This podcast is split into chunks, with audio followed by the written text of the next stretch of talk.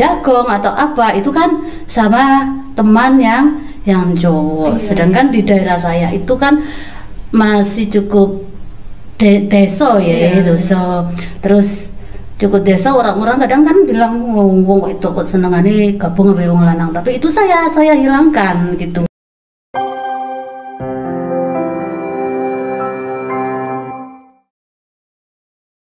Hai Sobat Awas, from our podcast kali ini kita bersama dengan Sri Kandi Panwas Ampel Gading.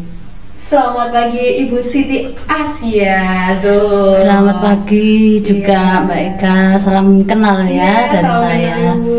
Eh, Cantik sekali. perempuan Mbak Oh. yang lebih cantik tuh Mbak Ekanya iya Ibu, bagaimana Hmm. kabarnya? Alhamdulillah sehat dan semakin ini semakin sehat ini kayaknya Sehat, semakin semangat ya Bu. Alhamdulillah Oke, Eh, kesibukannya sekarang apa Bu? Pasca menjadi Panwas Jam ini. Kalau kesibukan sih ya biasa di rumah, di rumah saja sebagai ibu rumah tangga ya juga ada pekerjaan-pekerjaan yang eh, saya kan nggak harus jadi ibu rumah tangga melulu di rumah karena kegiatan di rumah juga eh, sebagai perias, alhamdulillah juga ada gitu. Terus juga ada juga kegiatan sosial yang saya ikuti di desa itu Kegiatan sosial di desa kader? Oh, kesehatan kader. ya sebelumnya di sub BPKBD juga kegiatan keagamaan seperti apa muslimat itu Eh, mohon maaf, panggilannya Ibu Siti atau Ibu Asia atau apa? Biasanya? kalau panggilannya Bu Siti, Ibu Siti. supaya lebih enak nama Siti itu mudah di ingat ya. Iya, jadi Bu Siti ini memang aktif sekali mengikuti banyak kegiatan juga gitu. Dan dari tahun berapa Ibu eh, bergabung menjadi Panwas waktu itu ya? Kalau menjadi panwas itu saya mulai dari tahun 2017 Oke. 2017 saat itu pemilihan gubernur langsung disambung dengan pileg pilpres Ya, Pileg Pilpres dan terakhir pilkada kemarin. Ya, ada perekrutan kembali dan alhamdulillah saya masih Terus eh, ya, masih terekrut dan semoga nantinya nantinya karena ini masih lagi sayang-sayang ya ini Masih semangat masih semangat ya. ya. Oh, itu semangat itu yang harus ditiru ya sobat awas. Iya. Nah, apa nih yang menjadi alasan atau menjadi motivasi dari Ibu Siti ini menjadi panwas itu apa? Intinya begini Mbak, Isa ingin berperan langsung dalam kegiatan pilkada itu. Oh Oke. pilkada itu bagaimana? Kan kita tidak tahu hanya cerita saja ya dari luar. Ternyata cukup alhamdulillah senang saya menjadi panwas. Senang sekali makanya kalau bisa itu panwas itu semoga mudah-mudahan bukan badan ad hoc. Jadi maunya panwas ya. stay terus ya Bu ya? Iya, betul, kan. iya. Eh, melalui banyak eh, tantangan gitu kan Bu. Mungkin apa sih yang paling dirasakan ketika menjadi panwas itu? Apa yang paling berkesan waktu itu? Eh, berkesan menjadi panwas dan tantangannya. Iya, iya. Kalau di Ampel Gading kan gini Mbak, Oke. di sana itu kan medannya itu kan ya, ya begitulah ya. Terus kebanyakan kalau orang-orang yang eh, berada di kepemiluan itu kan kebanyakan itu cowok-cowok. Mm, mm, mm. Nah, sedangkan saya ini termasuk cewek yang berani maju ke sana. Jadi setiap kali kita itu jagong atau apa itu kan sama teman yang yang cowok. Iya, Sedangkan di daerah saya itu kan masih cukup de deso ya Iya. itu. So, terus cukup desa orang-orang kadang kan bilang wong wong itu kok senengane gabung sama wong lanang tapi itu saya saya hilangkan gitu walaupun saya itu perempuan karena sudah ada emansipasi wanita ya Wah, kedudukan kita itu sama. Ya kedudukan itu sama. Jadi ya wes kita anggap itu biasa. Yang penting kita melakukan itu sesuai dengan aturan. Hmm. kita jagong ya jagong apa yang kita perlukan tidak ngomong yang aneh-aneh gitu. Intinya Jadi itu. sempat berbenturan dengan stigma masyarakat gitu ya mungkin ya Bu. Kayak itu ngapain sih kok ibu-ibu ikut uh, ngobrol sama bapak-bapak atau gimana gitu. Itu sempat mengalami seperti itu juga berarti Bu. Eh, gini kalau saya dengar sendiri itu tidak Iya, iya, iya. cuma perasaan di dalam saya saya harus menjaga itu Ah, gitu oke. terus apalagi begini kita kerja di Panwas itu waktunya itu kan tidak ditentukan jam sekian kita harus pulang Iya, iya. kalau memang ada pekerjaan atau pengawasan walaupun itu tengah malam kan kita harus berangkat Siap 24 Ya. jam pokoknya ketika Sedangkan rumah saya itu bukan orang kota di desa. Lho lek wong wedok ya kan gitu. Bengi-bengi metu. lah mau apa? Jadi kepercayaan saya yang pertama saya bangun adalah pada suami saya gitu. Setelah kalau suami saya sudah mempercayai saya terus saya itu bekerja dengan apa ada dengan ya sungguh-sungguh ya. Sungguh-sungguh memang saya berangkat ini untuk bekerja ya wis alhamdulillah sampai saat ini saya betah dan ingin terus berada di Banwas itu Tuh, peran perempuan terhadap pengawasan gitu. Eh, sempat nggak sih Bu kayak ngerasa ini kan Ibu sudah menyinggung tadi banyak eh, berkomunikasi atau bergaul dengan laki-laki atau cowok-cowok Ya. atau bapak-bapak gitu ya. ya mm. Sempat nggak kayak terbentur gini? eh, diremehkan atau merasa nggak mampu, dianggap tidak mampu atau gimana gitu? Alhamdulillah selama ini tidak. Tidak. Mereka ya wis ya menghargai lah menghargai saya. Cuma kadang kalau kita ke Medan yang terlalu terlalu terjal Iya, ya eh, mereka sudah kalau pengawasan intinya kasihan. Ah. sudah tidak usah tidak usah ikut. Tapi saya begini saya intinya kerja di Panwas dengan orang teman-teman saya sama sama digaji. Oke. Jadi saya juga harus tanggung jawab bukan karena saya ini perempuan jadi saya harus bermalas-malasan di di kantor saja yang enak-enak enggak Waduh, Jadi sama. Itu nih yang harus dibangun. Jadi nggak ada lagi tuh stigma kalau perempuan itu sudah cuma duduk cantik saja Ya, nggak ada ya konsep ada, itu udah nggak nggak ada. ada. Oke ibu tadi udah membahas tentang medan yang terjal. Medan yang terjal ibu lalui. Kenapa bu kok sampai sesemangat itu gitu? Maksudnya gimana gitu triknya ketika harus melewati medan yang terjal atau yang sudah dijangkau atau gimana itu gimana? Ditemani siapa atau gimana? waktu itu di waktu pengawasan ya Iya, iya. kan kalau medan terjal itu lebih baik saya bawa sepeda sendiri mbak jadi Bawa bawa sepeda motor sendiri itu kan kayaknya lebih lebih enak masalahnya jalannya yang yang sebegitunya ya Eh, lebih baik bisa menguasai gitu. Iya, alhamdulillah karena ya karena mungkin karena saya itu ya terbiasa di sana juga. Tapi sebenarnya kalau rumah saya sendiri itu nggak terlalu dalam lah masuknya, tapi ada daerah-daerah yang Iya, ada di yang- Kecamatan Novel Gading yang yang Harus dijangkaunya juga sama Iya, seperti itu gitu iya, ya bu ya. mm. Eh, Ibu sudah membahas sedikit juga eh sudah membahas tentang medan terjal ini dan mohon maaf ibu ini sedikit mengulas kembali. Apakah itu menjadi faktor juga ibu pernah mengalami iya mohon maaf keguguran waktu itu? Eh, begini ya Mbak, Eh, masalah keguguran itu kan semuanya kita serahkan kepada Allah ya. Kalau menjadi faktor, ya mungkin bisa, ya mungkin mungkin kalau analisa seorang manusia Iya, iya, gitu. Karena waktu itu saya eh, waktu itu ada pengawasan yang medalnya itu sangat terjal. Saya juga nggak nyangka ya, nggak nyangka kalau saya itu setelah melakukan pengawasan di sana itu akan akan nantinya akan berdampak pada keguguran. Karena saya nggak nggak pernah berpikir setelah saya ke sana nanti saya sakit nggak pernah. Masalahnya walaupun saya dulu hamil waktu muda kan juga juga pernah ke jalan-jalan yang seperti itu gitu. Setelah nyampe pengawasan di sana, jalan yang begitu terjal, sampai di rumah ya ya lumayan ya, lumayan ini perut agak nggak enak gitu kan. Kok ya habis perjalanan yang jalannya ya ya, ya segitulah. ya berliku-liku gitu atau Nggak nggak hanya berliku-liku tapi bebatuan gitu, bebatuan naik gunung, eh, naik gunung turun gunung. Setelah itu kita sampai di rumah itu rasanya juga nggak enak ya, ini perut nggak enak gitu. Terus besoknya karena saya itu harus melakukan apa ini konsultasi kalau nggak salah itu saya harus ke ke sini Iya. ke kantor Bawaslu Oke. sini. Dan kan jarak tempuh antara kecamatan saya ke sini kalau kita tempuh dengan dengan motor it, mobil sekitar dua jam kalau sepeda motor sekitar satu jam setengah gitu itu pulang setelah pulang besoknya lagi saya harus ikut bimtek yang ada di kecamatan Tajinan tuh ya mungkin Posisinya memang keliling waktu itu ya. Kayak lagi padat-padatnya gitu Iya, kan ya. mm. Terus? jadi mungkin mungkin dari kecapean Iya, iya, atau bisa. atau atau apa sepulang dari bimtek itu di perjalanan di tengah perjalanan itu saya waktu itu berhenti kan untuk untuk ma- makan itu posisi juga nyetir sendiri? Oh enggak itu sama Oh, teman-teman oke. berangkat itu sudah udah, udah saya merasa tuh badanku udah nggak enak. Tapi nggak nggak nyangka sih kalau mau Iya. liburan gitu. Eh, berhenti pulangnya berhenti di kecamatan Dampit itu.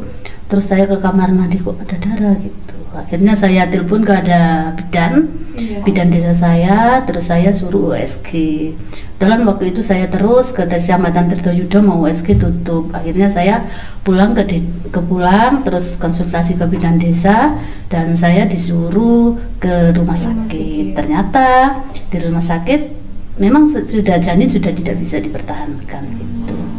Dan besoknya harus dikirim ibu pernah kepikiran kayak menyesal gitu. Kenapa gitu kok ini bisa terjadi gitu?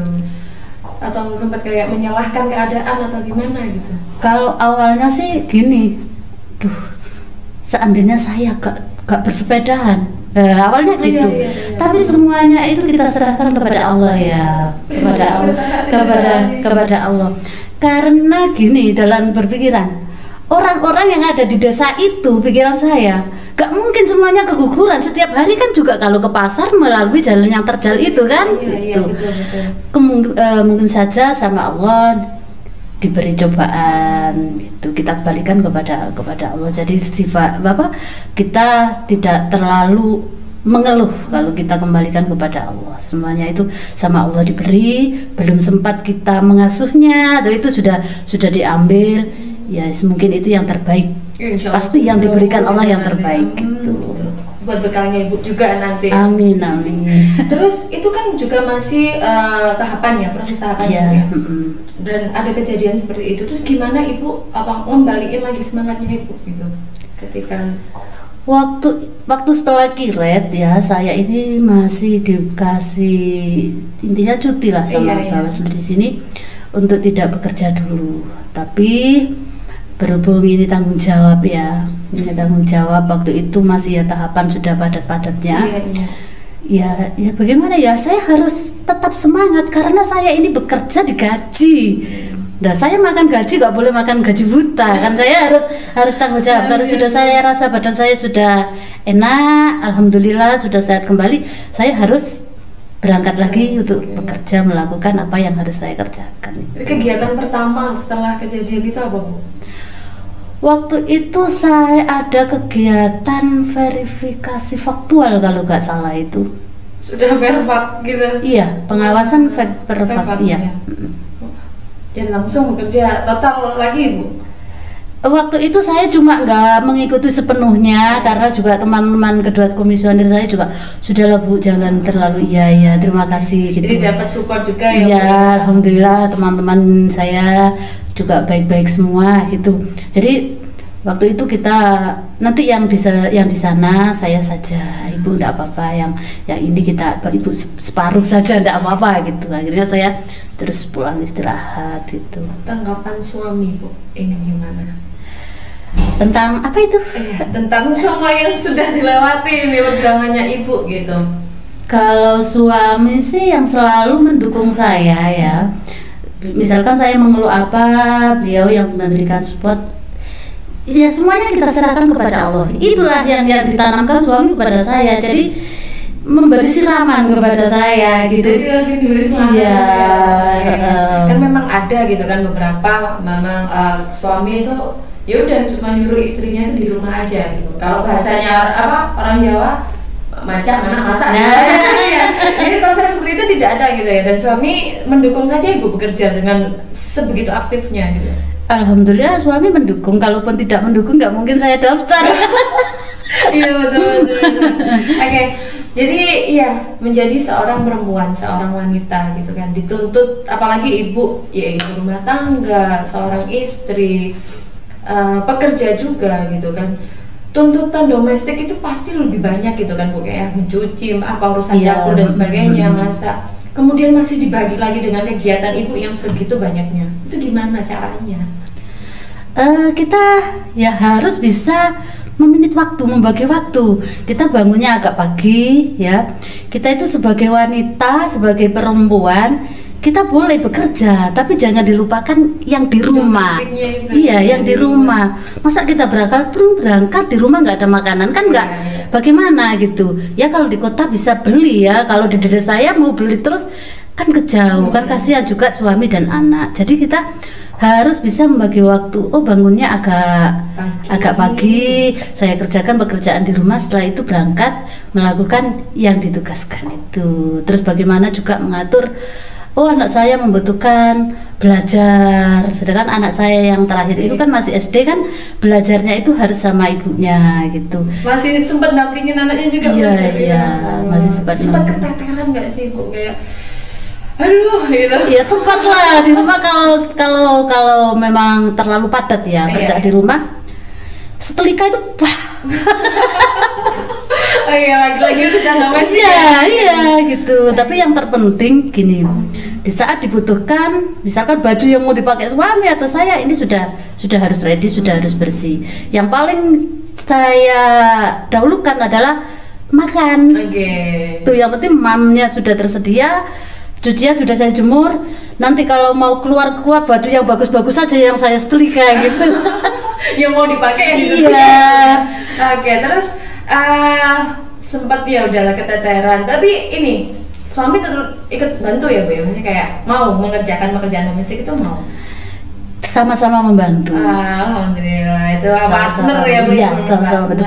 Kan juga kalau pagi kita sama-sama bangun pagi, sama-sama saling membantu misalkan di dapur. Saya gini, suami mengambilkan ini, ini. terus siangnya kita kan sama, sama agak siang sedikit kan sama-sama kerja gitu. Walaupun kita kerjanya nggak sama Iya. gitu ya, kan berangkat pokoknya ya sarapan sudah selesai kita berangkat, anak berangkat. Tapi akhir-akhir ini anak kan sudah nggak nggak Iya, nggak sekolah karena pandemi. Ya. sempat nggak bu anak protes itu kayak duh ibu ini kerja mulu kita kapan mainnya bu gitu Kalau anak saya yang cowok ini anaknya nggak nggak begitu ya, karena anak ini eh, agak-agak agak cuek lah, Nah, agak-agak cuek. Tapi kadang kalau saya harus ke kantor itu supaya tidak terlalu saya tinggalkan, kadang saya ajak. Ya. Itu saya saya ajak supaya ada komunikasi lah antara saya dan dan Anya nak supaya tidak terlalu saya tinggal gitu. Kalau dianya lagi nggak ada, misalkan libur ngaji terus nggak ada acara sekolah itu saya saya ajak. Ya, itulah bagaimana peran perempuan dengan segala stigmanya. Tadi di awal sudah stigma dari masyarakat kemudian eh, ya kita sendiri sebagai wanita sebagai seorang istri juga ibu ya kan? Ibu juga buat anak-anaknya dengan berbagai tuntutannya pekerjaan juga gitu. Eh, apa gitu bu yang menjadi apa ya kekuatan gitu. Biar ibu tuh bisa menjalani semua ini. Kayak ya udah apa kekuatan terbesarnya? Kekuatan terbesarnya adalah support support. Nih support dari dari suami. Wah, kuncinya itu intinya ya. itu. Kalau suami tidak memberikan support bagaimana saya mengerjakan? Karena suami datang misalkan saya nggak suami datang duluan ya nggak ada istri di rumah. Iya iya. Kalau dia tidak ber- eh, nggak mengizinkan mas pasti kan marah gitu. Tapi kalau suami sudah mengizinkan kita ya enak aja melaku- melakukannya. Iya. Eh, menyinggung tentang Sri Kandi Sri, Sri Kandi yang lain Sri Kandi Panwas ini banyak apa bu anggotanya ya? 13 13 orang Sri ya Kandi Panwas Kabupaten Malang. Kabupaten Malang. Nah, itu gimana Bu? Maksudnya eh, kan sesama perempuan gitu, ada nggak sih kayak bahasan-bahasan tentang eh, ayo kita ngapain gitu, kita apa gitu, gitu yang menjadi apa ya? Kayak semacam melakukan kegiatan gitu di luar yang tugasnya, tapi yang memang bareng-bareng se- sebagai Sri Kandi gitu, ada nggak? kalau bareng-bareng melakukan sesuatu sesama Sri Kandi sih tidak ada. Kalau cuma Sri Kandi saja itu tidak ada. Ah. Yang ada itu ya sesama teman, ya yaitu banyak Sri Kandinya, tapi juga ada yang yang Iya, teman laki-lakinya. Itu melakukan kegiatan walaupun kita ini sudah tidak menjadi panwas, Iya. kita juga harus melakukan kegiatan yang bermanfaat ya, yang bermanfaat kepada masyarakat itu itu ada seperti eh, yang pernah diajak Bu Eni dari Tajinan itu pernah mengajak membangun bagaimana kita mencari anak yang tidak butuh sekolah yang butuh itu, sekolah ya. itu terus bagaimana kita mengembangkan misalkan kita mempunyai keahlian apa kita kita ajarkan kepada Jadi masih sering kumpul ya Bu ya? masih ya masih sering itu. Iya. masih sering. Terka waktu dulu masih bertugas saya sama Sri Kandi kayak ini nggak? Kayak gimana Mbak? Gini gini gini udah nggak ya di sana? Gitu gitu masih maksudnya saling support gitu nggak? Ada ya saling sama. Kadang kan kita kalau bimtek ya kalau Iya. bimtek setelah selesai itu ini ke kamar mana? Eh. kumpul kumpul. Ya namanya seorang mama ya kita ngumpi terus gimana? Di sana pengawasannya itu gimana? Terus terus bagaimana? Kita Saling sharing lah karena itu sama-sama perempuan gitu. Oke, sudah banyak sekali yang dibahas dengan Ibu Siti.